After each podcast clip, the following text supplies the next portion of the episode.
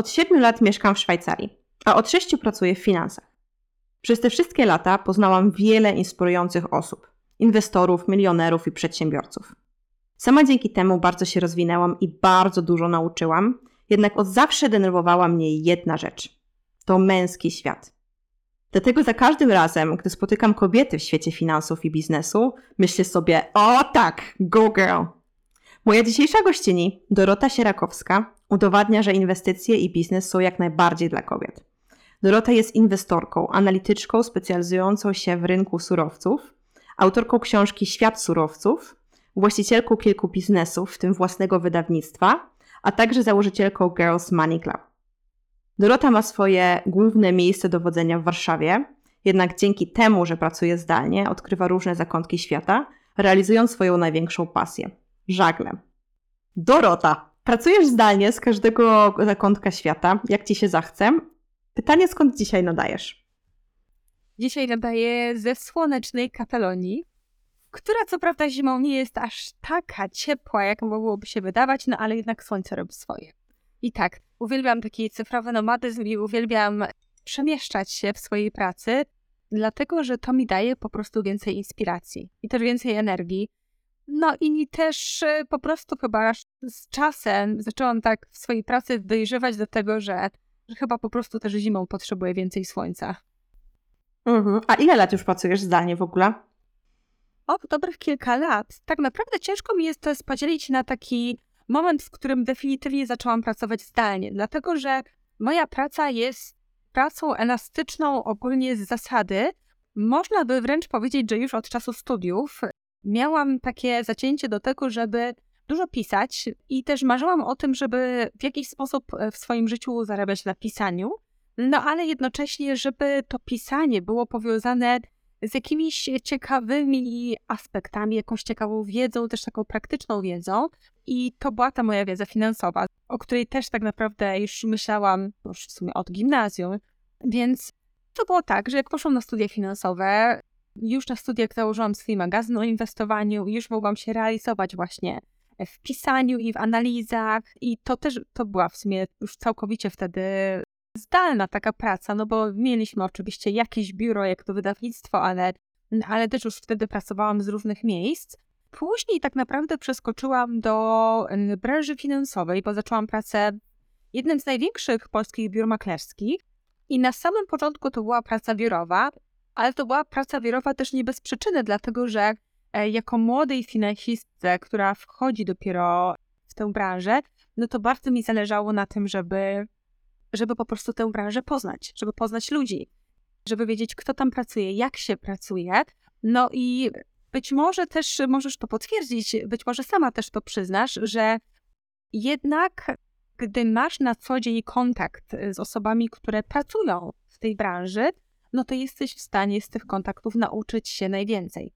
Więc też na samym początku w swojej pracy celowo chciałam być w biurze, chciałam bywać na wszystkich konferencjach, na wszystkich ważnych wydarzeniach finansowych, żeby po prostu ten świat poznać i żeby się w nim lepiej odnaleźć. I to poskutkowało faktycznie tym, że, że miałam super start w mojej branży, bo ja już miałam super start dzięki temu magazynowi, bo jakby nie przestałam e, wydawać, on był wydawany przez 10 lat, także po moich studiach już wtedy poznałam mnóstwo fajnych osób z branży finansowej, jako redaktor naczelna też robiłam wywiady, czy to z prezesami banków, czy z prezesami giełdy, więc y, naprawdę z takimi ciekawymi osobistościami już wtedy dużo się uczyłam. Później z kolei właśnie jak przeszłam do branży finansowej, to poznałam cały taki analityczny warsztat, czyli też uczy, uczyłam się po prostu lepiej analizować liczby. No i potem, po jakimś czasie, jak już e, faktycznie zaczęłam tak można powiedzieć, wypływać gdzieś w swojej branży, zaczęłam być bardziej widoczna i też odnalazłam się w tej mojej niszy, jaką było inwestowanie w surowce, o którym się w Polsce bardzo, bardzo mało jeszcze wtedy pisało i mówiło. No to wtedy nadszedł czas na napisanie własnej książki. I tak też zrobiłam. To był taki mój cel, e, książka przed trzydziestką i faktycznie no, na spokojnie się wyrobiłam. No i napisałam tę książkę, ona zresztą okazała się rynkowym bestsellerem. To jest do dzisiaj rynkowy bestseller, już dobrych parę lat. No i też y, to jest książka, która też od dobrych kilku lat mi przynosi pasywne przychody, więc też super sprawa. I później tak naprawdę jako osoba, która ma już jakąś wyrobioną ekspercką pozycję, coraz częściej zaczęłam pracować, y, zaczynałam pracować zdalnie z różnych miejsc. Czyli coraz częściej wybierałam jednak nie biuro, a chociażby własne mieszkanie albo jakieś inne miejsce. I można powiedzieć, że ta moja praca zdalna wyszła tak trochę naturalnie. Czyli była taką naturalną konsekwencją tej ścieżki kariery, którą wybrałam, która w sumie wiąże się z, z siedzeniem przy komputerze i pis albo pisaniem, albo analizowaniem, co mnie osobiście bardzo cieszy. Jako introwertyczka nie mam żadnego problemu z tym, że się nie muszę do nikogo odzywać przez cały dzień. No ale też e, właśnie przez to mam takie możliwości, że przez to, że to nie jest praca przy różnych spotkaniach, że nie muszę nic załatwiać na żywo, faktycznie mogę wybrać sobie miejsce, z którego pracuję, o ile tam jest internet. To jest tak naprawdę e, jedyny warunek. Czyli zaczęłaś pracować zdalnie, zanim to się zaczęło e, robić modne. Tak, jeszcze przed pandemią. Tak, pandemia oczywiście już e, później całkowicie zmieniła reguły gry, bo y, mam wrażenie, że wiele osób ogólnie podczas pandemii się przerzuciło na pracę zdalną zupełnie. Pewnie też wiele osób zatęskniło za biurem, a przynajmniej z tego, co obserwuję y, i za tymi kontaktami towarzyskimi. Dla mnie to było właśnie takie naturalne przejście. Ja nie czułam, że pandemia to jest dla mnie aż taki duży przeskok. To bardziej był po prostu taki proces, który już wcześniej trwał i, i który też y, tak jakoś naturalnie przeszedł potem w pracę zupełnie zdalną. Też przez jakiś czas, przez pandemię, to się pracowało bardziej z domu niż, niż z pięknych miejsc na świecie, aczkolwiek starałam się też w pandemii podróżować na tyle, na ile się dało. Ja w pandemii poleciałam nawet do Ameryki Południowej, więc da dało się, były miejsca. I też wiele y, miejsc w Europie, które są zawsze zawalone turystami, zwiedziłam właśnie w pandemii i to było, to było cudowne. Jakby zobaczyć Santorini, na którym praktycznie nie ma ludzi. Mhm. Niesamowite życie. Też, też to praktykowałam. Wenecja na przykład. Tam zazwyczaj jest strasznie dużo ludzi, wtedy było pusto, więc to było cudne. Oj tak, to prawda. Wiesz co, bo y, co mnie teraz zaciekawiło, powiedziałaś, że twoja praca zdalna zaczęła się przez takim jakby procesie. Że to nie było tak, że z jednego dnia na drugi stwierdziłaś, dobra, od jutra pracuję zdalnie, tylko że to był taki proces. I wydaje mi się, że to jest takie ważne, żeby to powiedzieć i w ogóle o to chcę trochę dopytać, bo ja mam bardzo dużo klientek coachingowych, które właśnie pracują nad tym, żeby pracować z każdego miejsca na świecie. Pracują nad tym, żeby stać się cyfrowymi nomadami i już nie być uwiązanym z biurem. Ale też z mojej praktyki wiem, że właśnie to nie jest tak, że z dnia na dzień dostajemy pracę, która jest zdalna. Mogą być takie przypadki, ale raczej są rzadkie, tylko zazwyczaj polega to na wybudowaniu swojego portfolio, czy tam byciu freelancerem, na zdobyciu klientów, czy na zdobyciu dodatkowych źródeł dochodu. I ciekawa jestem, co Ty byś powiedziała w tym temacie, w tym, o tym procesie i jak są takie osoby, które na przykład myślą, żeby chciały zacząć budować sobie taką możliwość um, na przyszłość, żeby pracować zdalnie, to co byś im powiedziała, żeby co mogli robić? Przede wszystkim powiedziałabym, żeby budowały swoją pozycję w wymarzonej czy też wybranej przez siebie branży. Bo z moich obserwacji wynika, że gdy aż tak bardzo nastawiamy się na to, że nasza praca musi być koniecznie zdalna, to my bardzo często zapominamy o wielu innych możliwościach, które docelowo dałyby nam pracę zdalną, ale jeszcze dodatkowo pracę zdalną, która jest pasjonująca i dobrze płatna. Dlatego, że większość prac zdalnych, takich, które, których atrakcyjność bazuje w sumie tylko na tym, że jest to praca zdalna, to są często prace, które są też mało rozwijające. Prace z typowych call center, czy też właśnie takie, można powiedzieć, taki freelancing, ale też taka jakby wal walka o te projekty, bo to też się często zdarza, gdy my dopiero na przykład zaczynamy pracować zdalnie, to my po prostu łapiemy każdy projekt niezależnie od tego, czy on nam się podoba, czy nie. To wszystko może być taką drogą donikąd. Y, czyli jeżeli my na przykład właśnie idziemy w pewnym kierunku tylko dlatego, że to jest praca zdalna, to my wtedy zapominamy o tym, że przede wszystkim najważniejszą rzeczą, naszym priorytetem w kontekście kariery powinno być to, żeby pracować nad czymś, co nam przynosi radość, co nam przynosi spełnienie i co nam, co nam przynosi przyzwoite pieniądze. Na tyle mm, fajne, żeby móc spędzać e, czas tak, jak chcemy. I czasem jest tak, że faktycznie jesteśmy w stanie znaleźć to w miarę szybko, ale na ogół jest tak, że te najlepsze prace, w których my możemy sobie właśnie tę pracę zdalną wynegocjować, to są te prace, w których my po prostu czujemy się pewnie. Jeżeli jesteśmy ekspertkami w danej branży, jeżeli wnosimy coś na przykład do konkretnej firmy, albo jeżeli po prostu mamy na tyle dobrą, e, stabilną i taką też jakościową sieć kontaktów i wcześniejsze doświadczenia, na tyle, że na przykład możemy już założyć własną firmę, no to wtedy, wtedy my mamy ten luksus, że my możemy pracować zdalnie, ale na własnych zasadach, a nie pracować zdalnie na takich zasadach, które narzuca nam ktoś inny. W desperacji, dlatego że po prostu brakuje nam kasy. Więc ja bym powiedziała jedną rzecz. Dbajcie o to, żeby po prostu robić w życiu to, co lubicie.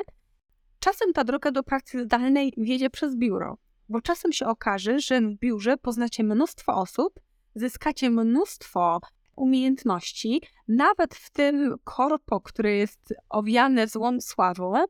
I jeżeli faktycznie przejdziecie ten proces, nabierzecie e, właśnie doświadczeń, e, staniecie się ekspertkami swojej branży, to będziecie miały zupełnie inną możliwość negocjacji ze swoim pracodawcą, bo wtedy mówicie jakby, no spoko, na przykład ja mogę mieć powiedzmy bardziej stabilną pensję, czyli na przykład jeżeli chcemy coś wynegocjować i jeżeli, jeżeli na przykład pracodawca twierdzi, że albo wysoka pensja, albo praca zdalna, no to przynajmniej mamy jakiś wybór.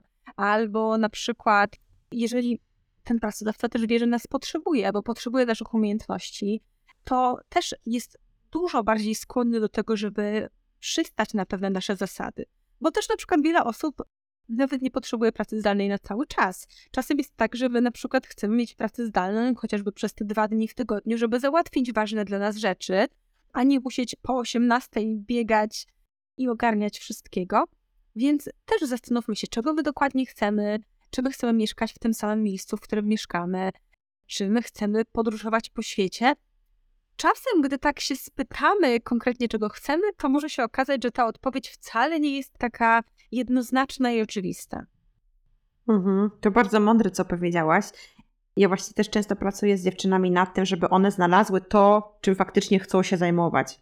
Bo często tak jest, że w szkole, system szkolnictwa w Polsce często tak jest, że są tylko właściwe kierunki i te takie niewłaściwe. Czyli jak się idzie do humana, to już jest w ogóle krzyżyk, krzyżyk i po prostu, wiesz, płacz, bo coś ciebie będzie. A jak się idzie właśnie na, wiesz, biolchem, czy, czy jakieś takie kierunki, które są ścisłe, to od razu jakby jest taka duma wszystkich i wiadomo, ach, dobra, to ty sobie w życiu dasz radę. Jakby bardzo się w Polsce uwzięliśmy na to, że tylko i wyłącznie ścisłe kierunki są przyszłościowe. I wydaje mi się, przynajmniej ja mam dużo takich klientek, które interesują różne rzeczy, ale one się boją wręcz przyznać, że to je najbardziej interesuje, bo myślą, że nie, no z tego to przecież nic nie będzie. Jak ja będę tym ekspertką, to będzie w ogóle, przecież na tym się dużo nie zarabia. Znasz to? To jest taka bzdura czasem. Ja znam w ogóle tylu humanistów czy humanistki, które zarabiają krocie, dlatego że są dobre po prostu z jakiejś określonej rzeczy. Moim zdaniem, jeżeli faktycznie ktoś nie ma umysłu ścisłego, no a przecież to nie jest tak, że wszyscy mają umysł ścisły i nie każdy musi lubić analizę, powiedzmy sobie szczerze, albo nie każdy musi chcieć nawet być wymiataczem w IT, bo też się mówi, że IT przyszłościowa branża, w której dużo się zarabia. Pewnie tak jest, natomiast przecież nie każdy tę branżę lubi, więc też nie każda z nas się do IT przebranżowi. Paradoksalnie, mimo że o humanistach się mówi jako o osobach, które mają dużo ciężej na rynku pracy, to nie jest prawda, dlatego że owszem, to w branżach ścisłych jest częściej Eldorado, natomiast w branżach związanych właśnie z taką pracą kreatywną też się można odnaleźć, tylko trzeba zastanowić się, co jest ludziom potrzebne. Chociażby copywriting. No jeżeli jesteśmy copywriterem, jeżeli po prostu piszemy jakieś teksty, na przykład na potrzeby mediów społecznościowych, może się być ciężko wyróżnić, ale stwórzmy sobie tam niszę. Róbmy na przykład copywriting pod jakieś kampanie sprzedażowe. Róbmy copywriting pod na przykład launch, czyli uruchomienie jakiegoś kursu internetowego. Dajmy twórcom gotowe rozwiązania, bo przecież nie każdy na przykład, kto tworzy swój kurs internetowy, nie każda osoba umie pisać te maile sprzedażowe, nie każda osoba e, umie pisać te posty. Wyspecjalizujmy się w tym, co przyniesie na przykład twórcy czy twórczyni jakąś konkretną sprzedaż. I naprawdę na zachodzie już tak jest, że naprawdę twórcy się zabijają o tych copywriterów, którzy piszą fantastyczne sekwencje na przykład maili e, sprzedażowych. I osoba, która nie jest humanistą, nie ma takiego zacięcia do pisania, no to w życiu nie napisze takiego fajnego maila, jak osoba, która to zacięcie do pisania ma. Tak samo na przykład wiele nieoczywistych zawodów. Weźmy pod uwagę chociażby sektor, który niby się kojarzy bardziej z naukami ścisłymi, czyli sektor e, gamingowy, sektor growy. No owszem, jest tam wielu programistów, jest tam wielu twórców gier od strony technicznej. No ale ktoś musi napisać ten scenariusz do gry. Ktoś musi napisać dialogi. Jest mnóstwo humanistów, którzy pracują właśnie przy takich projektach, przy projektach, które, które przynoszą ogromne pieniądze. Tylko właśnie unikajmy takiego przeświadczenia, że jeżeli jesteśmy w jakimś konkretnym zawodzie, w jakiejś konkretnej branży, to nie mamy, jakby nie mamy co z sobą zrobić i nie mamy żadnych szans na wysokie zarobki. Zastanówmy się, jeżeli faktycznie na przykład w tej konkretnej branży widzimy, że po prostu jest źle, bo są branże, które są schyłkowe, są takie, które się rozwijają, zastanówmy się, które nasze umiejętności się przydadzą w tych branżach, które się rozwijają. W jaki sposób możemy się tam pokazać, no i po prostu możemy wtedy zacząć przechodzić do tych miejsc, gdzie jest więcej pieniędzy. Mhm. Ja zawsze mówię o takim spieniężeniu naszych umiejętności. Kto nam zapłaci wystarczająco za nasze umiejętności, które teraz mamy? Oczywiście i też na przykład moim zdaniem bardzo kluczowe jest myślenie o sobie jako o osobie, która innym pomaga w zdobyciu jakichś celów. Bo zawodowo tak naprawdę najwięcej zarabiają osoby, które się też najbardziej przydają, które są potrzebne.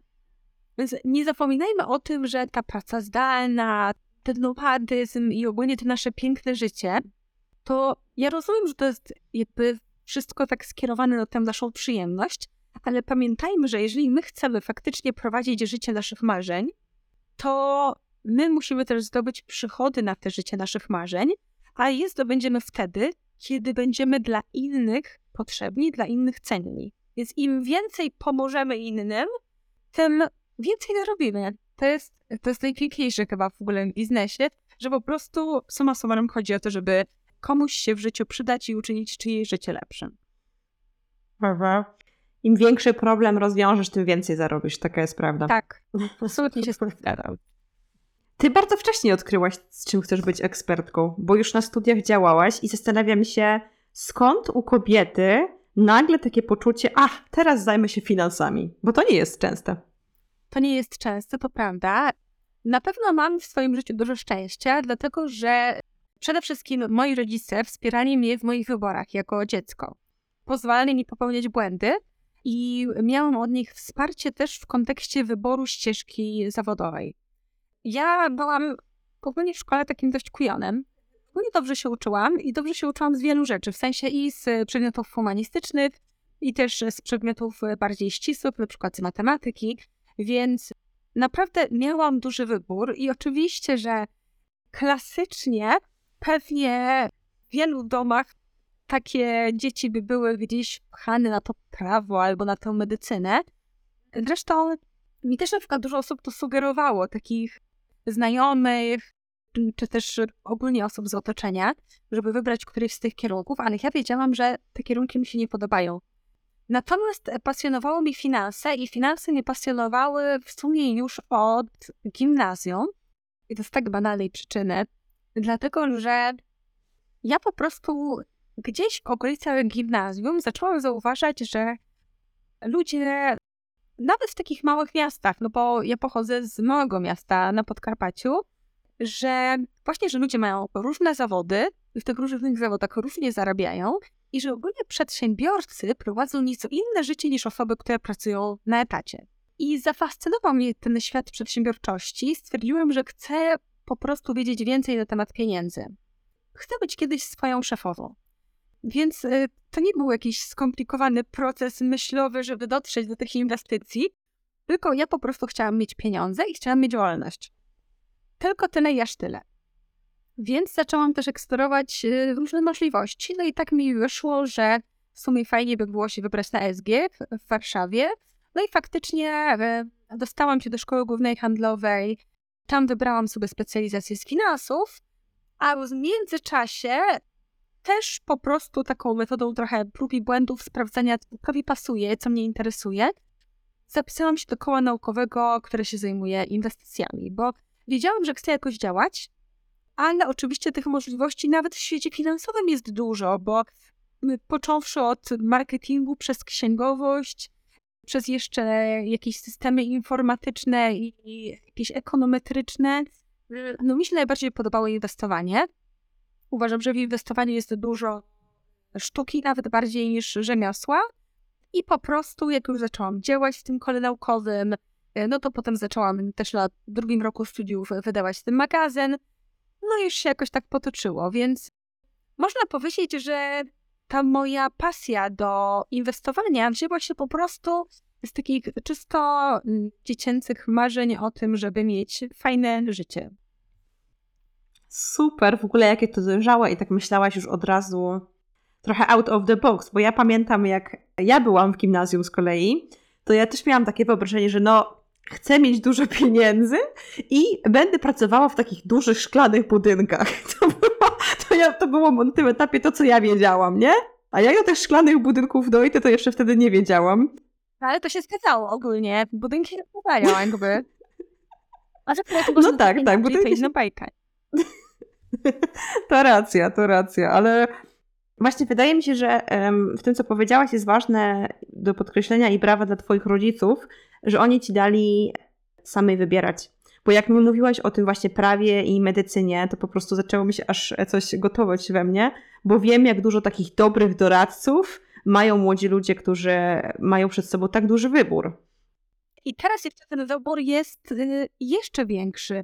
Y, moim zdaniem to w ogóle jeszcze podbija tę trudność wyboru, dlatego że jeżeli jesteśmy osobami, które są w miarę ogarnięte i pracowite, a sporo jest osób w miarę ogarniętych i pracowitych, to my mamy przed sobą ogromne spektrum różnych możliwości których, i kierunków, w których możemy się rozwijać. Oczywiście możemy iść w stronę takiego tradycyjnego zawodu, tradycyjnej bardziej kariery, ale współcześnie no, internet zmienił wszystko. My możemy robić zupełnie nowe rzeczy, my możemy tworzyć nowe społeczności, my możemy tworzyć biznesy w przeróżnych branżach i w ogóle kontakt z ludźmi, zarabianie pieniędzy, to wszystko stało się dużo łatwiejsze niż kiedykolwiek. I to jest trudne. Mi się wydaje, że pod kątem tego teraz, jak wybrać swoją ścieżkę kariery, to to jest naprawdę trudne, żeby wybrać jedną rzecz, no bo, bo nie wybierzemy wszystkiego. Kiedyś było tak, że jak się było właśnie młodym i się wybierało e, kierunek studiów, to wiesz, nie wiem jak u ciebie było, ale u mnie był taki jeden test osobowości w szkole, tam ktoś przyszedł na godzinie wychowawczej, zrobił na jeden, wiesz, test na osobowości i tam było ze 20 zawodów, typu wiesz, kucharz, pielęgniarka, strażak i tak dalej. A żyjemy w takich czasach, gdzie codziennie powstają nowe zawody, gdzie powstają w ogóle nowe branże. No przecież gamingu kiedyś nie było. I nawet jak nie ma zawodu, który byśmy chciały wykonywać, to my sobie ten zawód w ogóle stworzyć możemy. To w ogóle też jest niesamowite. I, i co, co jeszcze mi się wydaje, że dużo bardziej ten wybór jeszcze utrudnia, jest to, że kiedyś jeszcze pokolenie naszych rodziców to było takie z fokusem na Polskę. A teraz tak naprawdę możemy jeszcze pracować na całym świecie. To jeszcze robi to trudniej, no bo gdzie teraz chcę mieszkać jeszcze, nie? W ogóle na TikToku zauważyłam, że bardzo dużo ludzi młodych się do mnie zaczęło, zaczęło mnie obserwować, takich właśnie maturzystów, bo wydaje mi się, że oni po prostu czują się zagubieni z tym, no i co teraz? Wiesz o co chodzi? Tak, ja, ja się dziwię, dlatego że pokolenie naszych rodziców, pokolenie, które wyrosło, czy też miało swoje dzieciństwo, swoje, swoje takie jakby dojrzewanie jeszcze w PRL-u, czyli w takim momencie, w którym Gdzieś to było potem jakaś okolica transformacji ustrojowej. I faktycznie w tym pokoleniu jest żywe takie przeczucie, że wykształcenie daje wiele. Bo faktycznie w latach 90. wykształcenie dawało naprawdę dużo. Można się było nim wybić niesamowicie. Potem no, pokolenie milenialsów, czyli pewnie nasze pokolenie, to jest takie pokolenie, które, e, które zrewidowało tę prawdę. No widzimy, że wykształcenie nam nie daje aż tak wiele, jakbyśmy sobie życzyły, czy też życzyli. Wiemy, że oczywiście w niektórych branżach tego wykształcenia nie przeskoczymy, no bo trudno być lekarzem bez wykształcenia medycznego, ale na przykład widzimy też, że wykształcenie nie jest gwarantem tego, że będziemy nawet godnie zarabiać. Już nie mówię o tym, że dużo zarabiać, ale nawet jest gwarantem, że będziemy robić fajne rzeczy w życiu. Więc y, po prostu ten stół został wywrócony i już nikt go nie postawił z powrotem. I y, ja na przykład y, już, ja pamiętam, że jeszcze jak dorastałam, to ja czytałam dużo książek o podróżowaniu i też zaczęły się pojawiać pierwsze książki o y, elastycznym trybie pracy, właśnie o kilku, o tworzeniu kilku źródeł przychodów, o ruchu FIRE, czyli to Financial Independence Retire Early. Więc ja to płonęłam, bo ja wiedziałam, że, że coś się zmienia, że ja też nie jestem osobą, która będzie całe życie siedzieć za biurkiem w jednym miejscu, bo bym oszalała pewnie. Więc już wtedy wiedziałam, że to życie może wyglądać zupełnie inaczej, nawet mimo mojego dość tradycyjnego wykształcenia w finansowej, inwestycyjnej, bo jednak przyszłam cały ten proces. No ale teraz, gdybym miała 18 czy 19 lat, to stałabym przed jeszcze dodatkowym dylematem, czy w ogóle iść na studia. Aha. E, bo być może bym to wybrała jednak, e, ze względu na to, że ja zawsze lubiłam się uczyć i też szybko się uczę, więc te studia też e, no, relatywnie zrobiłam bezproblemowo. Natomiast to jest absolutnie zasadne pytanie, bo skoro studia nam niczego nie gwarantują i w sumie spędzamy tam wiele godzin w swoim życiu, no to pojawia się pytanie, a może by tak podróżować po świecie, a może by od razu zbierać doświadczenie.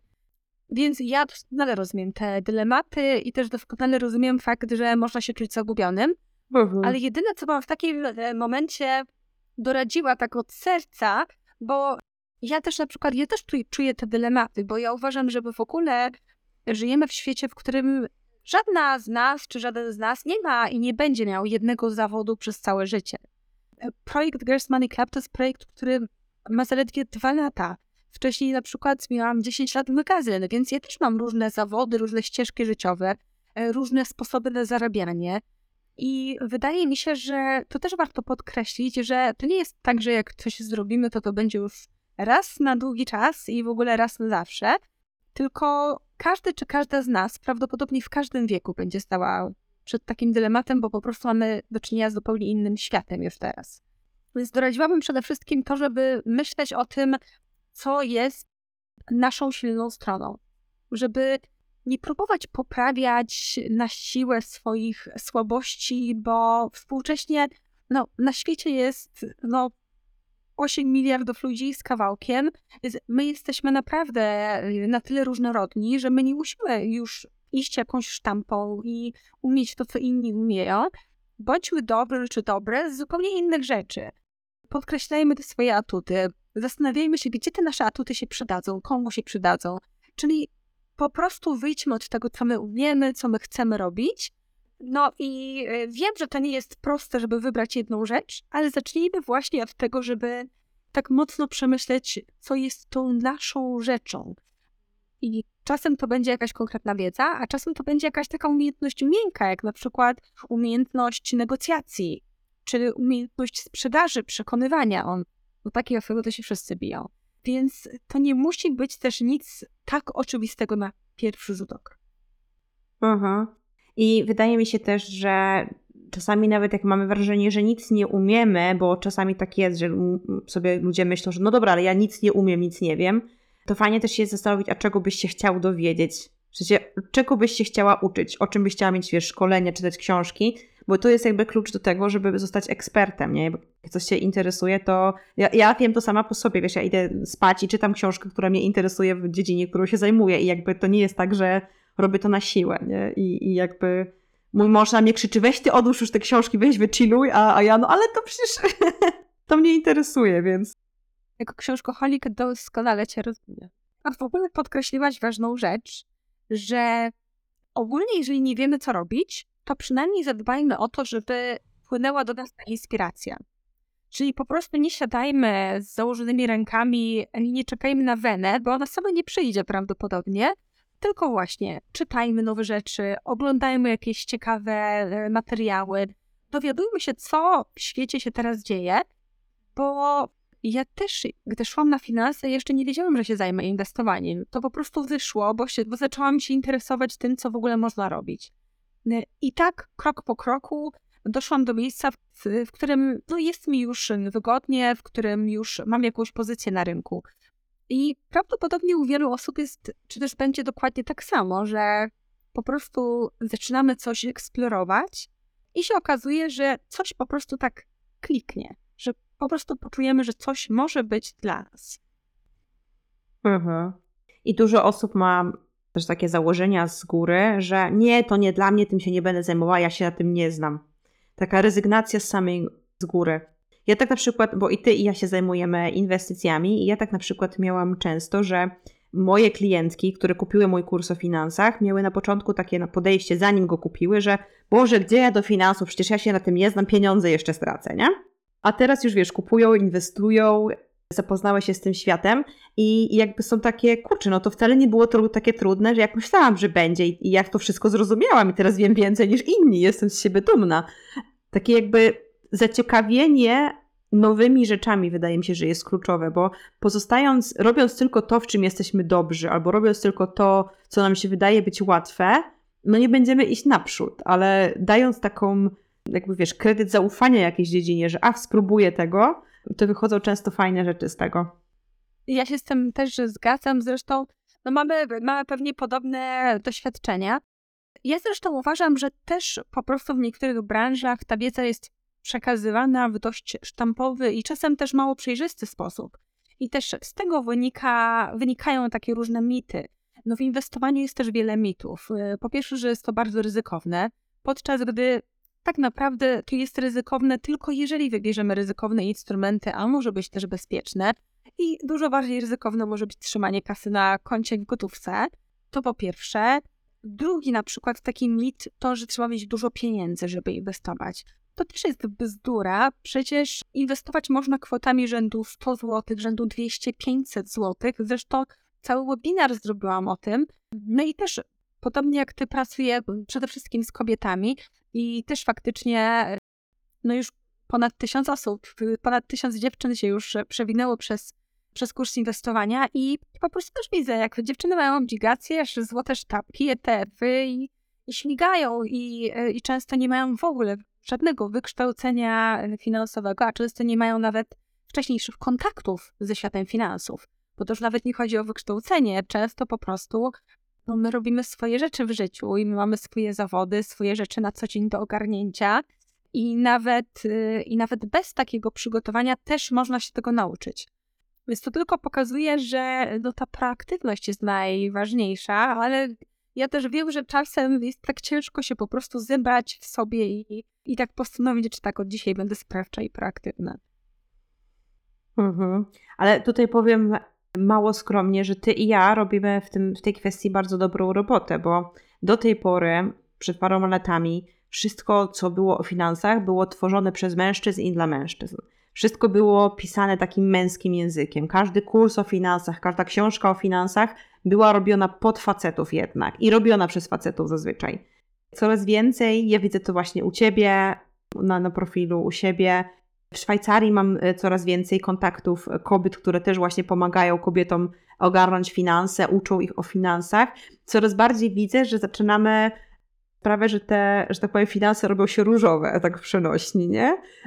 Że wszystko się zaczyna zmieniać i wydaje mi się, że im więcej takich kobiet będzie, które się odważają inwestować, to potem łatwiej będzie koleżance zainwestować jak ty stworzyłaś kurs i powiedziałaś, że tysiąc coś osób się przewinęło, ja jestem pewna, że to nie dotknęło tysiąca osób, tylko może już dwa tysiące osób dzięki tobie zaczęło inwestować, bo ja na przykład dostawałam często takie wiadomości, że a, bo oglądam cię z mężem ten kurs i, i robimy razem. Albo z siostrą, tak. albo z bo Oczywiście, ja też uważam, że jakby wiedzą się trzeba dzielić, nie? Więc... Mhm. Więc y, tak, tak, znaczy ja też tak sądzę. Zresztą też dużo na, nawet dziewczyn, które, y, które po prostu y, zaczęły czytać bloga, czy, czy nawet czy nawet na przykład jak robiłyśmy spotkania po prostu takie dziewczyńskie, to też wymieniałyśmy się doświadczeniami po prostu w inwestowaniu, bo też na przykład jest część kobiet, która ma pewną wiedzę o finansach i czuje, że na przykład kurs inwestowania niekoniecznie musi być jej najbardziej potrzebny, ale na przykład nie miała bardziej odwagi do tego, żeby Mhm. kupić te swoje pierwsze ETF-y czy pierwsze obligacje. No i teraz, gdy widzi, jak inne kobiety robią dokładnie to samo, to, to jest zupełnie inaczej. No i ci powiem, że e, ja właśnie wyliczyłam, że od, od 15 lat jestem w branży finansowej i że tak naprawdę przez większość mojego czasu byłam jedną lub jedną z niewielu kobiet, czy to, y, czy to no ogólnie wśród analityczek w Polsce, zresztą do dzisiaj w sumie to jest e, zmaskulizowana branża, czy to na różnych konferencjach jako prelegentka, no to y, wiem, na 100 osób prelegentek mogło być dwie czy trzy, w ty- w tym ja. Więc y, ja jakby doskonale na własne oczy widziałam o to, jak, jak ta branża jest też nieprzyjazna kobietom, bo nawet nie o to chodzi, że, e, że tutaj jest jakakolwiek wrogość między płciami. Ja też, też y, jakby nie chciałabym tak polaryzować, dlatego że ja w ogóle uważam, że wiedza finansowa jest dla wszystkich. No i że jednak ja z tej branży finansowej, męskiej branży, wyrosłam przecież, ale nie zmienia to faktu, że dużo łatwiej uczy się nam, gdy słyszymy, gdy słyszymy pewne rzeczy od osób, które są do nas podobne, z którymi możemy się utożsamiać. Wiedząc o tym, że ja po prostu jestem dziewczyną z małej miejscowości, która od rodziców nie dostała pieniędzy, która musiała po prostu iść na studia, przepracować swoje, napisać swoją książkę i zrobić wszystko od zera, no to, to po prostu inne dziewczyny, które są teraz w małej miejscowości, właśnie się dostają na studia, albo marzą o tym, żeby napisać własną książkę, wychodzą z założenia, okej, no to jakby spoko, ja też to zrobię przecież to, przecież można. Więc wydaje mi się, że to jest ta kwestia. No tak samo teraz y, 3 marca też robimy eksperyment, czyli pierwszą kobiecą konferencję inwestycyjną w Polsce. I to też budzi trochę oporu, dlatego że, że właśnie no, widać y, chociażby ze strony męskiej części rynku, że po co kobieca, po co to robić, jest tyle konferencji. Ale dla mnie to jest sygnał, że to jest potrzebne. Że potrzebne jest, żeby pokazać nawet, nawet nie tylko, żeby się spotkać w kobiecym gronie jako uczestniczki, chociaż oczywiście na to również liczę, ale też, żeby pokazać więcej prelegentek, żeby były nowe twarze, nowe kobiece twarze, bo myślę, że wtedy też kobietom się będzie przyjemniej e, słuchało i też myślało o swoich finansach, jako o takiej drodze, którą część dziewczyn już przeszła. Mhm, zgadzam się i ja też widzę, mam takie porównanie też, jak to się na szwajcarskim rynku rozwija. I ja zajmuję się asset managerami z Szwajcarii i na jakieś 2000 biur, które tutaj są, to może wiesz, w 10 to pracują kobiety jako asset managerowie, tylko asset managerowie. A zazwyczaj to wykonują tylko i wyłącznie y, funkcję asystentki. Zresztą ja tak sama zaczynałam jako asystentka w takim biurze i wydaje mi się, że coraz fajniej jest widzieć właśnie, że kobiety też mogą być ekspertkami, że my się na tym znamy. I tak jak mówisz, że y, dużo większe jest zaufanie do ludzi, którzy są tacy jak my, bo to, co ty mówisz, ty pochodzisz z Podkarpacia, ja pochodzę z Lubelskiego, e, też z małej miejscowości i dokładnie jakby tą samą e, ścieżkę, że wiesz, nic od rodziców i wszystko trzeba było zrobić, same, zrobić samemu. Nawet pamiętam, kiedyś dostałam taką wiadomość od dziewczyny, z którą mieszkałam w akademiku na studiach i napisała mi, Boże Litka, dobrze, że masz tego e, Instagrama, to chociaż ja, dziewczyna z Radomia, zaczęłam podróżować i inwestować, nie? I, i to jest w ogóle super, że, że widzimy, że to jest dla każdego. I ja ostatnio widziałam przykład w gazecie, że taki chłopczyk, co ma 16 lat, został milionerem, bo zaczął inwestować jak miał 12 lat, nie? Bo tutaj to jest tak bardzo powszechne i tak dużo ludzi z tego korzysta, że to się stało coś, co wiesz, rolnik robi, nie? A w Polsce jednak jeszcze jest taki podział, że no wiesz, rodzice jak inwestują, czy inwestowali latami temu, to albo kupili działkę, albo dom, albo lokatę, nie? A, a teraz widać, jak coraz większe jest zainteresowanie tym tematem i to jest super. To też trochę wynika z faktu, że my musimy też kapitałowo dogonić trochę zachód, dlatego że no wiadomo, że jak jest więcej kasy po prostu w danym domu, jeżeli jest więcej kasy w rodzinie, no to na pewnym etapie zaczynają się pytania, co zrobić z tą kasą. No można kupić jedną, drugą, trzecią nieruchomość, No ale no, potem w sumie y, też y, się zaczyna myśleć o jakichś akcjach, o jakichś obligacjach, żeby to było bardziej zróżnicowane, trochę złota. Mi się wydaje, że my po prostu wraz z tym, jak społeczeństwo będzie coraz bogatsze, no a idziemy w tym kierunku, nawet, nawet najwięksi sceptycy jakby muszą przyznać, że raczej idziemy w tym kierunku i to nawet dość szybko, to też będzie się pojawiała po prostu większa zasadność tego, żeby naprawdę mieć wiedzę o pieniądzach, żeby wiedzieć, co z nimi zrobić. Bo jak się nie ma tych pieniędzy, no to no money no problem, prawda? Ale jak się ma te pieniądze, to faktycznie już wtedy pojawia się zagwozdka. I zresztą też widziałyśmy to przecież w ostatnich e, miesiącach czy wręcz latach, jak bardzo taka niepewność polityczno-gospodarcza, która się wdała na rynek i która zatrząsła inflacją i, i doprowadziła do wielu różnych takich gwałtownych zmian w ogóle dotyczących naszych pieniędzy konkretnie i tego, na co wydajemy pieniądze. Jak, więc jak to zobaczyłyśmy, no to, no to czym bardziej po prostu wiele osób stwierdziło, że no z tą kasą trzeba umieć coś zrobić, ta wiedza naprawdę się przydaje. No ale mi się wydaje, że jest jeszcze jedna rzecz, a tą drugą, tą drugą rzeczą jest też to, że my po prostu mamy jeszcze bardzo młodą giełdę. Mhm. Bo taka giełda amerykańska, która ma grubo ponad 100 lat, no to, no to jednak też przyzwyczaiła ludzi do tego, że ta giełda jest, że ona funkcjonuje, że ceny tam rosną przez lata i że faktycznie można sobie w wieku 20 czy 30 lat kupić jakieś akcje, po czym w wieku 60 lat opólnie je wypłacić i po prostu jechać już na Majorkę albo Florydę, albo gdzie się chce i, i sobie siedzieć pod palemką na leżaczku. No, ja myślę, że u nas też będą tacy emeryci, jeszcze nie w najbliższym czasie, ale jeżeli teraz tak naprawdę osoby w wieku 20-30 lat się zabiorą za swoje finanse, to będą takimi emerytami na, na plaży pod palemką i tego zresztą wszystkim życzę. Ja nigdy tego nie zapomnę, jak zaczęłam moją pracę w tym banku, w którym pracuję. To jest bank, który zajmuje się inwestycjami. Taki broker, bank. I pamiętam, jak zaczęłam tam, i to były takie, wiesz, moje pierwsze dni, i mieliśmy tam szkolenia i takie wtajemniczenie w cały świat. I pamiętam, że mieliśmy szkolenie właśnie z takim specjalistą od tradingu u nas, i my tacy rozgorączkowani z wypiekami na, guź, na buź. No to powiedz nam ten sekret, to jak teraz robić, wiesz, te, mnożyć te pieniądze, a on, ile macie lat? No my tak, no 23, 24, a on, dobrze, to zacznijcie inwestować i róbcie to regularnie z każdej wypłaty, którą w tym tutaj będziecie dostawać. E, inwestujcie, zobaczycie, to jest regularnie, non-stop inwestujcie w dobre produkty. To jest jedyna recepta, nie? I, i jakby... I uniwersalna dla wszystkich. Naprawdę. Tak. Do tego nie trzeba być geniuszem, ani nie trzeba być jakimś matematycznym wymiataczem. Po prostu trzeba mieć tę regularność. Tak, tak. To całkiem innej beczki. Czułaś się kiedyś dyskryminowana jako kobieta w świecie finansów? O dziwo chyba mogę powiedzieć, że nie. Aczkolwiek ciężko mi jest to ocenić. Ja zawsze się czułam w świecie finansów jak ryba w wodzie, dlatego że ja jak wchodziłam do branży finansowej, to ja już miałam swój magazyn i byłam jego naczelną.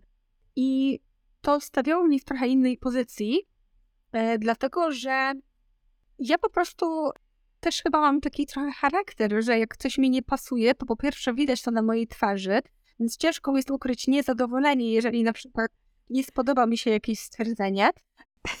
To w sumie jest uwalniające, bo nie muszę niczego udawać. A po drugie, ja też nie mam żadnego problemu y, z tym, y, żeby komuś odpowiedzieć asertywnie, ale że coś mi się nie podoba. I myślę, że to jest takie oręże, które bardzo łatwo, no może nie łatwo, bo nie jest aż takie proste y, w praktyce, ale to jest jednak takie, takie narzędzie, które pozwoliło mi ustalić pewne zasady i ustalić pewne granice bo te granice też były na początku łamane. Ja zresztą no, wchodziłam na rynek jako młoda osoba, więc wiadomo, że młoda kobieta też często słyszy po prostu jakieś takie pseudo-komplementy. One nie zawsze wynikają ze złej woli, więc to też trzeba pamiętać, ale też trzeba pamiętać o tym, że jeżeli coś nam się nie podoba, to też mamy, powiedzieć, mamy prawo powiedzieć, że coś nam się nie podoba. I ja po prostu z tego prawa korzystałam co też myślę, że było dla mnie trochę łatwiejsze z punktu widzenia też dziewczyny, która już ma inne źródło przychodu. Bo dla mnie mój magazyn był już źródłem przychodu. Ja zresztą już wtedy też inwestowałam. Ja też na studiach też w ogóle korepetycji udzielałam, więc w sumie na studiach miałam trzy źródła przychodu. Więc ja wychodziłam z założenia, że jeżeli ja mam pracować w domu maklerskim, to ja po prostu ustalam też zasady y, na nowo.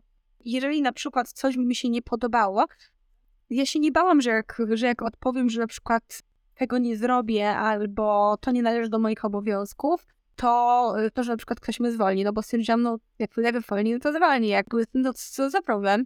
Ale też, i muszę tutaj to też bardzo mocno podkreślić, że te najbliższe osoby z mojego otoczenia w pracy to zawsze były osoby, sami mężczyźni, ale, ale to byli fantastyczni mężczyźni. To są nadal fantastyczni mężczyźni, po prostu absolutnie rozumiejący ideę równouprawnienia i absolutnie rozumiejący takie zdrowe relacje w pracy. Więc ja osobiście na przykład nigdy w moim dziale analiz nie czułam się dyskryminowana, dlatego że zawsze w ogóle też wiedziałam mniej więcej, jakie mamy y, pensje. Znaczy, nie mieliśmy też między sobą tego typu tajemnic, więc też to było o tyle proste, że ja wiedziałam, że jestem równo traktowana. Wiedziałam, że raczej nie mam jakichś specjalnych forów, ale też nie jestem dyskryminowana. I, i to jest naprawdę fantastyczne uczucie. Natomiast, y, natomiast oczywiście, jak już na takim szerokim rynku, no to czasem musiałam y, popyskować, chociaż nie lubię tego słowa pyskowanie, bo ono ma taki negatywny wydźwięk, no ale musiałam postawić na swoim. I to robiłam wielokrotnie i myślę, że te granice udało mi się jednak ustalić i nadal udaje mi się ustalać. Aha.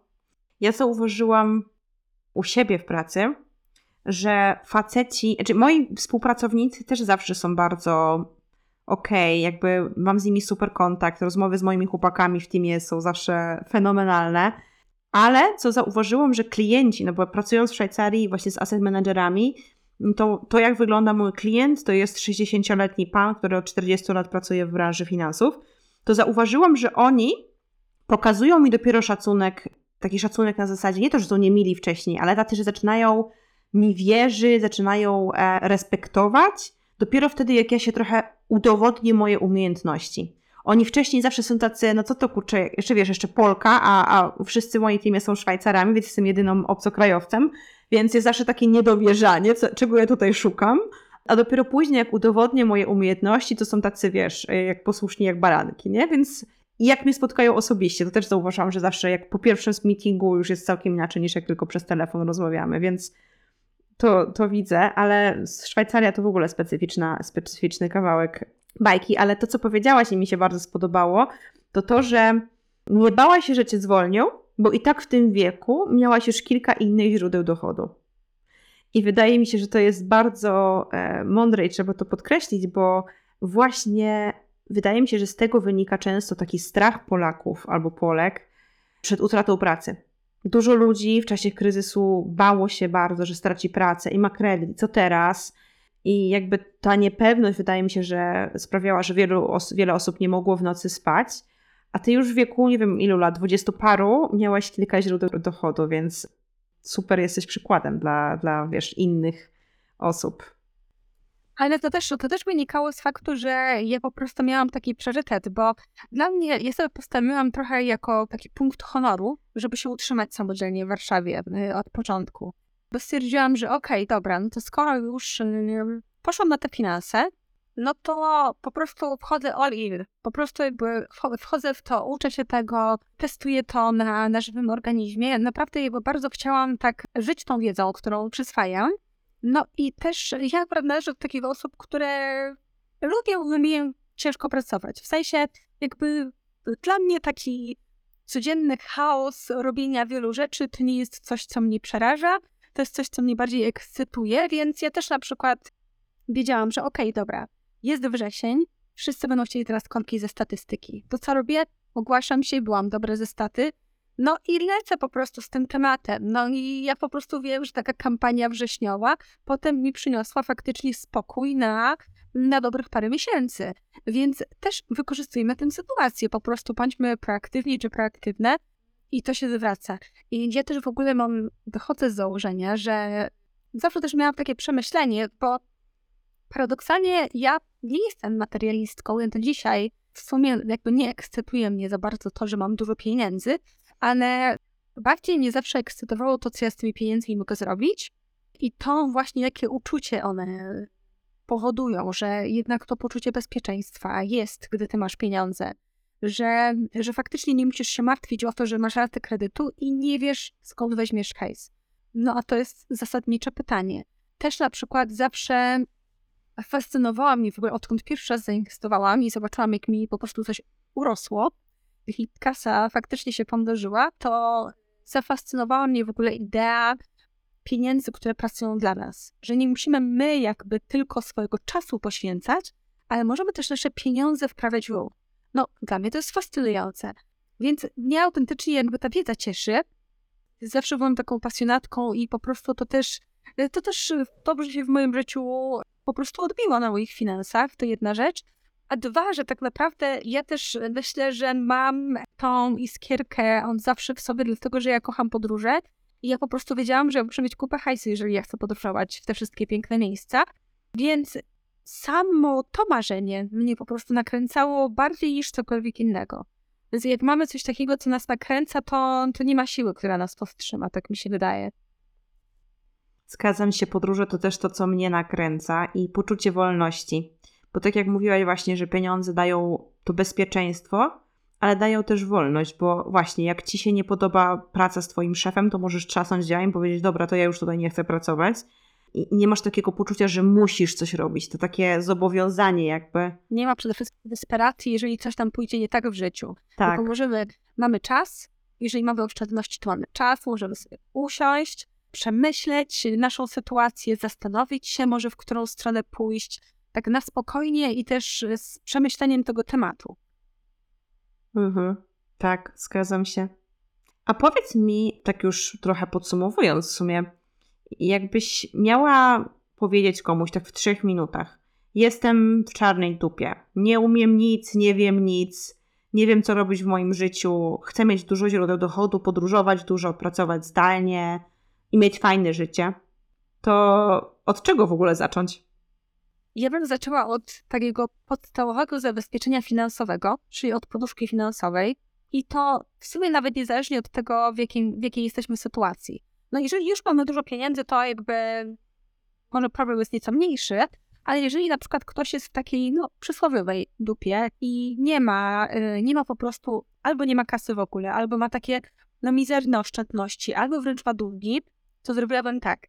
Powiedziałabym, żeby najpierw uzbierać sobie chociażby małą poduszkę finansową i dać sobie czas na to, żeby usiąść i przemyśleć swoją sytuację. Później rozpisać sobie to wszystko, co nam w duszy gra. Zastanowić się, jakie były moje dziecięce marzenia, co ja lubiłam robić, co zawsze sprawiało, że yy, traciłam poczucie czasu, co sprawiało, że faktycznie moje serce zaczęło osłabić. To wszystko to są ważne rzeczy. My je potem spychamy na dalszy plan jako dorośli ludzie, dlatego że nie są wystarczająco poważne, ale moim zdaniem życie jest za krótkie, żeby być poważnym. I właśnie my musimy cały czas dbać o to dziecko w sobie. Zastanowiłabym się, co, o czym ja marzyłam jako mała dziewczynka, co ja sobie obiecałam. Ja się tak śmieję czasem, że ja po prostu, znaczy śmieję, sobie tak poważnie, że ja po prostu dbam o, tę o tę dziewczynkę, którą była wiele lat temu i której obiecałam, że ona będzie miała fajne życie. Więc y, ja po prostu staram się o tym nie zapominać. O, w codziennym biegu potem y, my często o tym zapominamy i, i potem żałujemy, że zapomniałyśmy o sobie. No więc tak, uzbierać trochę kasy, żeby mieć czas na te rozkminy, bo od nas wszystko się zaczyna. Wszystko się zaczyna od naszej, od tej właśnie naszej iskry, od tego znalezienia naszych umiejętności i jeżeli my nie widzimy ich na starcie, to musimy pogrzebać głębiej. Być może, być może niekoniecznie zrobimy to samodzielnie. Spytajmy naszych najbliższych, w czym jesteśmy dobre. No bo bardzo często osoby, które są obok nas, widzą coś, czego my nie widzimy.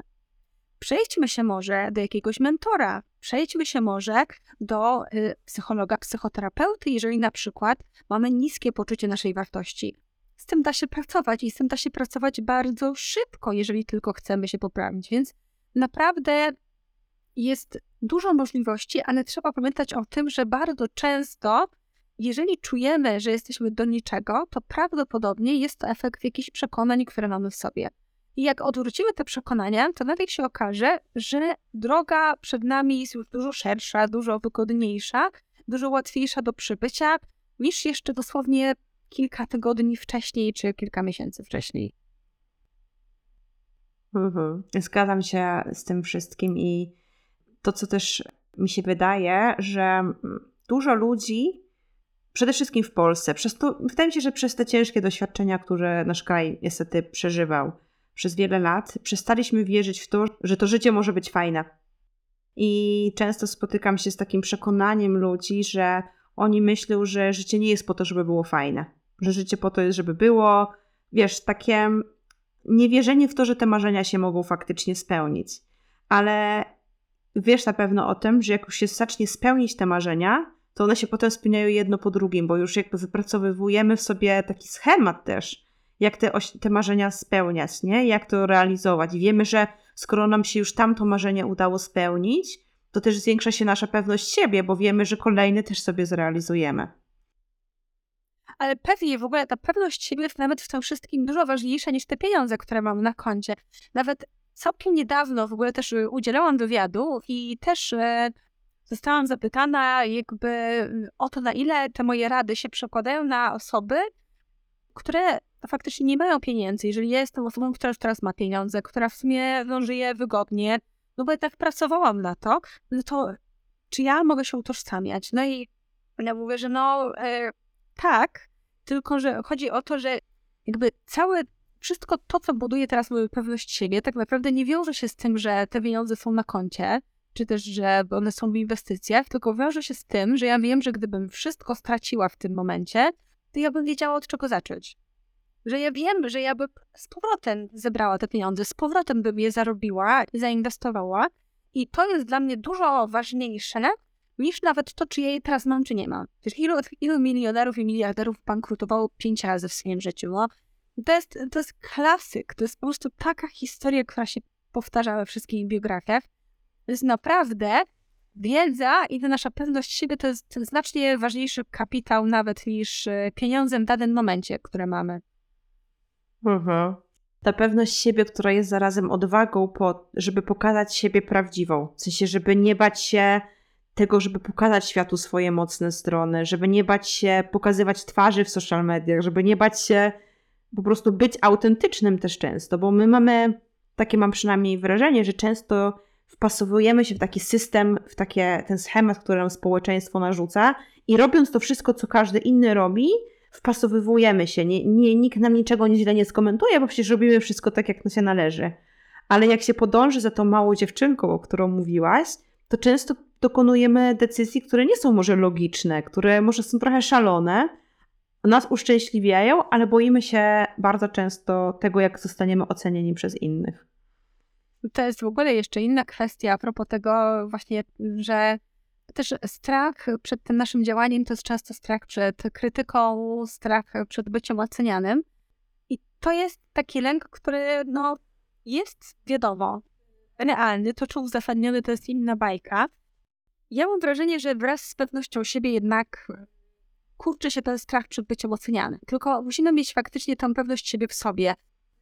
Ja zresztą od dłuższego czasu działam z ludźmi i też wychodzę naprzeciw z moimi inicjatywami, bo przecież nawet jak wydawał magazyn, przecież gdy my zaczęliśmy go wydawać na studiach, to był magazyn dla studentów o inwestowaniu już, no ale zarówno ja jako redaktor naczelna, przecież ja byłam zielona jak wiosenna trawa, przecież ja nic nie umiałam, jakby tak pod kątem technicznym, pod kątem organizacyjnym, sprowadzeniu e, i wydawaniu magazynu.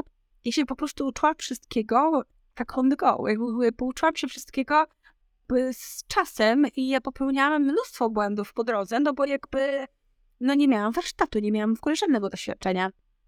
I tak teraz sobie myślę, że tyle razy przecież ile też no, byłam krytykowana i, i też na przykład pojawiały się takie słowa, że nie wiem, te, to wydanie jest gorsze niż tamto, albo że na przykład a czemu na przykład to wydanie nie jest w kolorze, no to ja po prostu się chyba uodporniłam na, takie, na taką krytykę, bo stwierdziłam, że no wszystkim nie dogodzę, Więc po prostu muszę robić to, co ja robię, jak najlepiej potrafię i też, żeby siebie nie zajechać samej, bo jak ja siebie sama zajadę, to wtedy już w ogóle, tak powiem, nikomu nie. Nie pomogę i nic fajnego nie zrobię. Nawet nie wiem, z czego to wynika, ale ja chyba jestem przyzwyczajona do tego, że ludzie oceniają, że to leży w naszej naturze, że zawsze znajdą się osoby, które nie życzą nam dobrze, no bo ludzi jest mnóstwo na tym świecie i na każde pewnie 100 osób, które nam kibicują, przypadną może dwie czy trzy, które nie będą nam kibicować, a wręcz, wręcz będą bardzo uradowane, jeżeli zobaczą nasze potknięcie.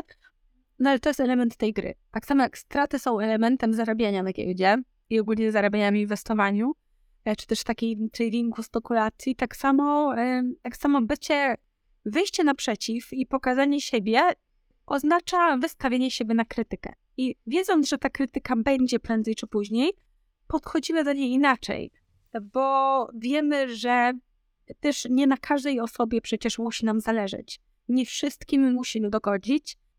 I to jest w sumie też piękno współczesnego internetu, że nawet jak wiele osób kliknie nam unfollow, nawet jeżeli są osoby, które nas przestaną obserwować, to tak naprawdę współcześnie siła tkwi w tych takich mniejszych społecznościach. Takich społecznościach, które właśnie, do których trafiamy z naszym przekazem. Z takich albo innych przyczyn. I bardzo często trafiamy z tym przekazem, dlatego że jesteśmy takie, a nie inne. Że właśnie pokazujemy tą naszą prawdziwą twarz. Więc to mogę Wam powiedzieć, że z czasem tak naprawdę my coraz więcej tych krytyków widzimy. Im więcej robimy, tym więcej osób nas krytykuje im więcej mamy obserwatorów czy obserwatorek, tym więcej osób nam klika unfollow. Więc to po prostu tak działa. To jest, to jest kwestia prawdopodobieństwa i proporcji. No i też, no właśnie, no nie jesteśmy dla wszystkich pewnie idealne. No bo, no bo i po co? Jak jest tyle ludzi na świecie, tak każdy ma coś fajnego i innego do zaoferowania. Dokładnie i szkoda by było stracić swoje życie, bo, bo takie mamy tylko jedno na przypasowywanie się wszystkim innym i czekanie, żeby zacząć żyć, jak się odważymy, a tak naprawdę to latka mijają i to, że przy 2, 3, 4 lata czekało się, żeby coś zrobić, bo się było głupio, sprawiło, że mamy 4 lata w plecy, bo mogłyśmy już się tym zajmować przez 4 lata, nie? Tak, a prawdopodobnie, niezależnie od tego, czy się zajmiemy tym teraz, czy za te 4 lata, będziemy się bały dokładnie tak samo. Mhm. Jest duża szansa, że ten strach to jest w ogóle ważne, żeby pamiętać, że ten strach nie znika. Ja przecież, ja, ja robiłam już tyle projektów, e, przecież e, część firm mi się udawała, część firm mi się nie udała i na przykład też traciłam pieniądze do różnych biznesach, bo to zawsze jest eksperyment, ogólnie wychodzi się z czymś do ludzi, no i po prostu sprawdzasz, czy to jest potrzebne. To jakby wracamy taką klamrą do tego samego początku, że trzeba robić to, co jest potrzebne. Jeżeli zobaczymy, że coś nie jest potrzebne, no to trudno, idziemy dalej. Więc y, też myślę, że warto pamiętać o tym, że niezależnie od tego, ile tych projektów się w życiu zrobi, to zawsze się pojawi ten strach, bo ten każdy kolejny projekt jest po prostu czymś nowym, czymś świeżym i zawsze to będzie dla nas też jakaś taka nowa kraina, która będzie budziła pewien lęk, pewne opory. I to jest właśnie fajne, że ciągle można odkrywać nowe rzeczy, bo wyobraź sobie całe życie bawić się jedną zabawką, nie? To by było nudne, a tak to... Prawda? Albo jeść, albo jeść jedno danie. Jakby, nawet jeżeli to najlepszy tort czekoladowy, to jakby ile możesz go zjeść. Nie wiesz, co właśnie zamykać w tych swoich schematach. Zresztą w ogóle ja na przykład mam takie doświadczenie, które zauważyłam dopiero po iluś tam latach w ogóle prowadzenia biznesu czy funkcjonowania, że najlepiej jest właśnie iść w kierunku tego swojego strachu, bo bardzo często strach reprezentuje to, co jest dla nas najważniejsze. Bo my przecież się boimy o te osoby, które są dla nas najważniejsze. Boimy się o te rzeczy, które są dla nas najważniejsze. Więc tak naprawdę strach bardzo często reprezentuje ten kierunek, w którym my właśnie powinnyśmy iść, a nie od którego powinnyśmy uciekać. To jest fascynujące. Zgadzam się w stu procentach ciągle to robię w swoim życiu prywatnym, czyli idę tam, gdzie to, czego się najbardziej boję, to dokładnie w tym, w tym kierunku pójdę. I zauważyłam, że zawsze z tego wychodzą najfajniejsze rzeczy. Tak, no tak trzeba żyć, po prostu. Iść jak stara do kierunku swojego strachu. Też, zresztą jest, e, już nie pamiętam kto to powiedział, że wszystko co najciekawsze w życiu się zaczyna po drugiej stronie strachu. I coś w tym jest. E, Zresztą e, to jest też taka trochę lekcja sprawczości, że gdy my zaczynamy robić coś, czego się boimy, to jeżeli raz przełamiemy strach i zrobimy coś i się okaże, że to doświadczenie po prostu się nam spodobało, że przyniosło nam dużo dobrego, ale przede wszystkim pokazało, że my możemy w ogóle iść w stronę tego strachu i go przełamać i że się nic wielkiego nie wydarzyło, a mamy za sobą e, już jakieś super doświadczenie, to kolejny raz zrobimy to samo. Czyli jakby coraz bardziej nabieramy tej ś- sprawczości właśnie po tym takim pierwszym, najtrudniejszym pewnie doświadczeniem. Także też to można, można powiedzieć, że potem się robi tylko prościej. Tak, zgadzam się. To co, to może zakończymy życzą, życząc wszystkim słuchaczkom odwagi do tego, żeby teraz zacząć działać i wyjść z tej, e, może nienawidzę tego słowa jako coach, ale wyjść z tego swojego bezpiecznego gniazdka, w którym jest nam wygodnie, żeby Strefy zacząć... No, Tak, ale nie, nie chciałam tego, nie chciałam tego mówić, bo to tak coachingowo brzmi, ale to prawda. Jakby to jest straszne i non-stop to słyszymy w internecie. A, wyjdź ze swojej strefy komfortu i osiągniesz tak dużo. I, no, kurczę, no, ciężko ominąć ten fakt, że no tak, to prawda. Tak, wejść, ale właśnie w przemyślany sposób, czyli po prostu zastanowić się, czego my chcemy od życia. Ja, ja zdaję sobie sprawę z tego, że to nie jest łatwe pytanie, w sensie odpowiedź na to pytanie nie jest prosta. Czego my chcemy od życia? My dużo częściej wiemy, czego my nie chcemy od życia, ale może od tego też można zacząć, czyli właśnie no, małymi krokami iść w stronę tego, co jest dla nas najważniejsze, bo my faktycznie mamy tylko jedno życie i jeżeli go nie wykorzystamy, to będzie nam żal i będzie, e, no i no i, no i po co? Em, Więc, więc naprawdę warto, warto to robić dla siebie, ale warto to robić dla najbliższych, bo jeżeli my jesteśmy spełnione, to też my możemy się dzielić tą pozytywną energią. My możemy innym dawać więcej z siebie, jeżeli jesteśmy wypoczęte, zadowolone, radosne. Więc warto też pamiętać o tym w kontekście dbałości o własną karierę, o własne pieniądze. To są takie sztampowe rzeczy, ale takie, które się przyczyniają do naszego szczęścia.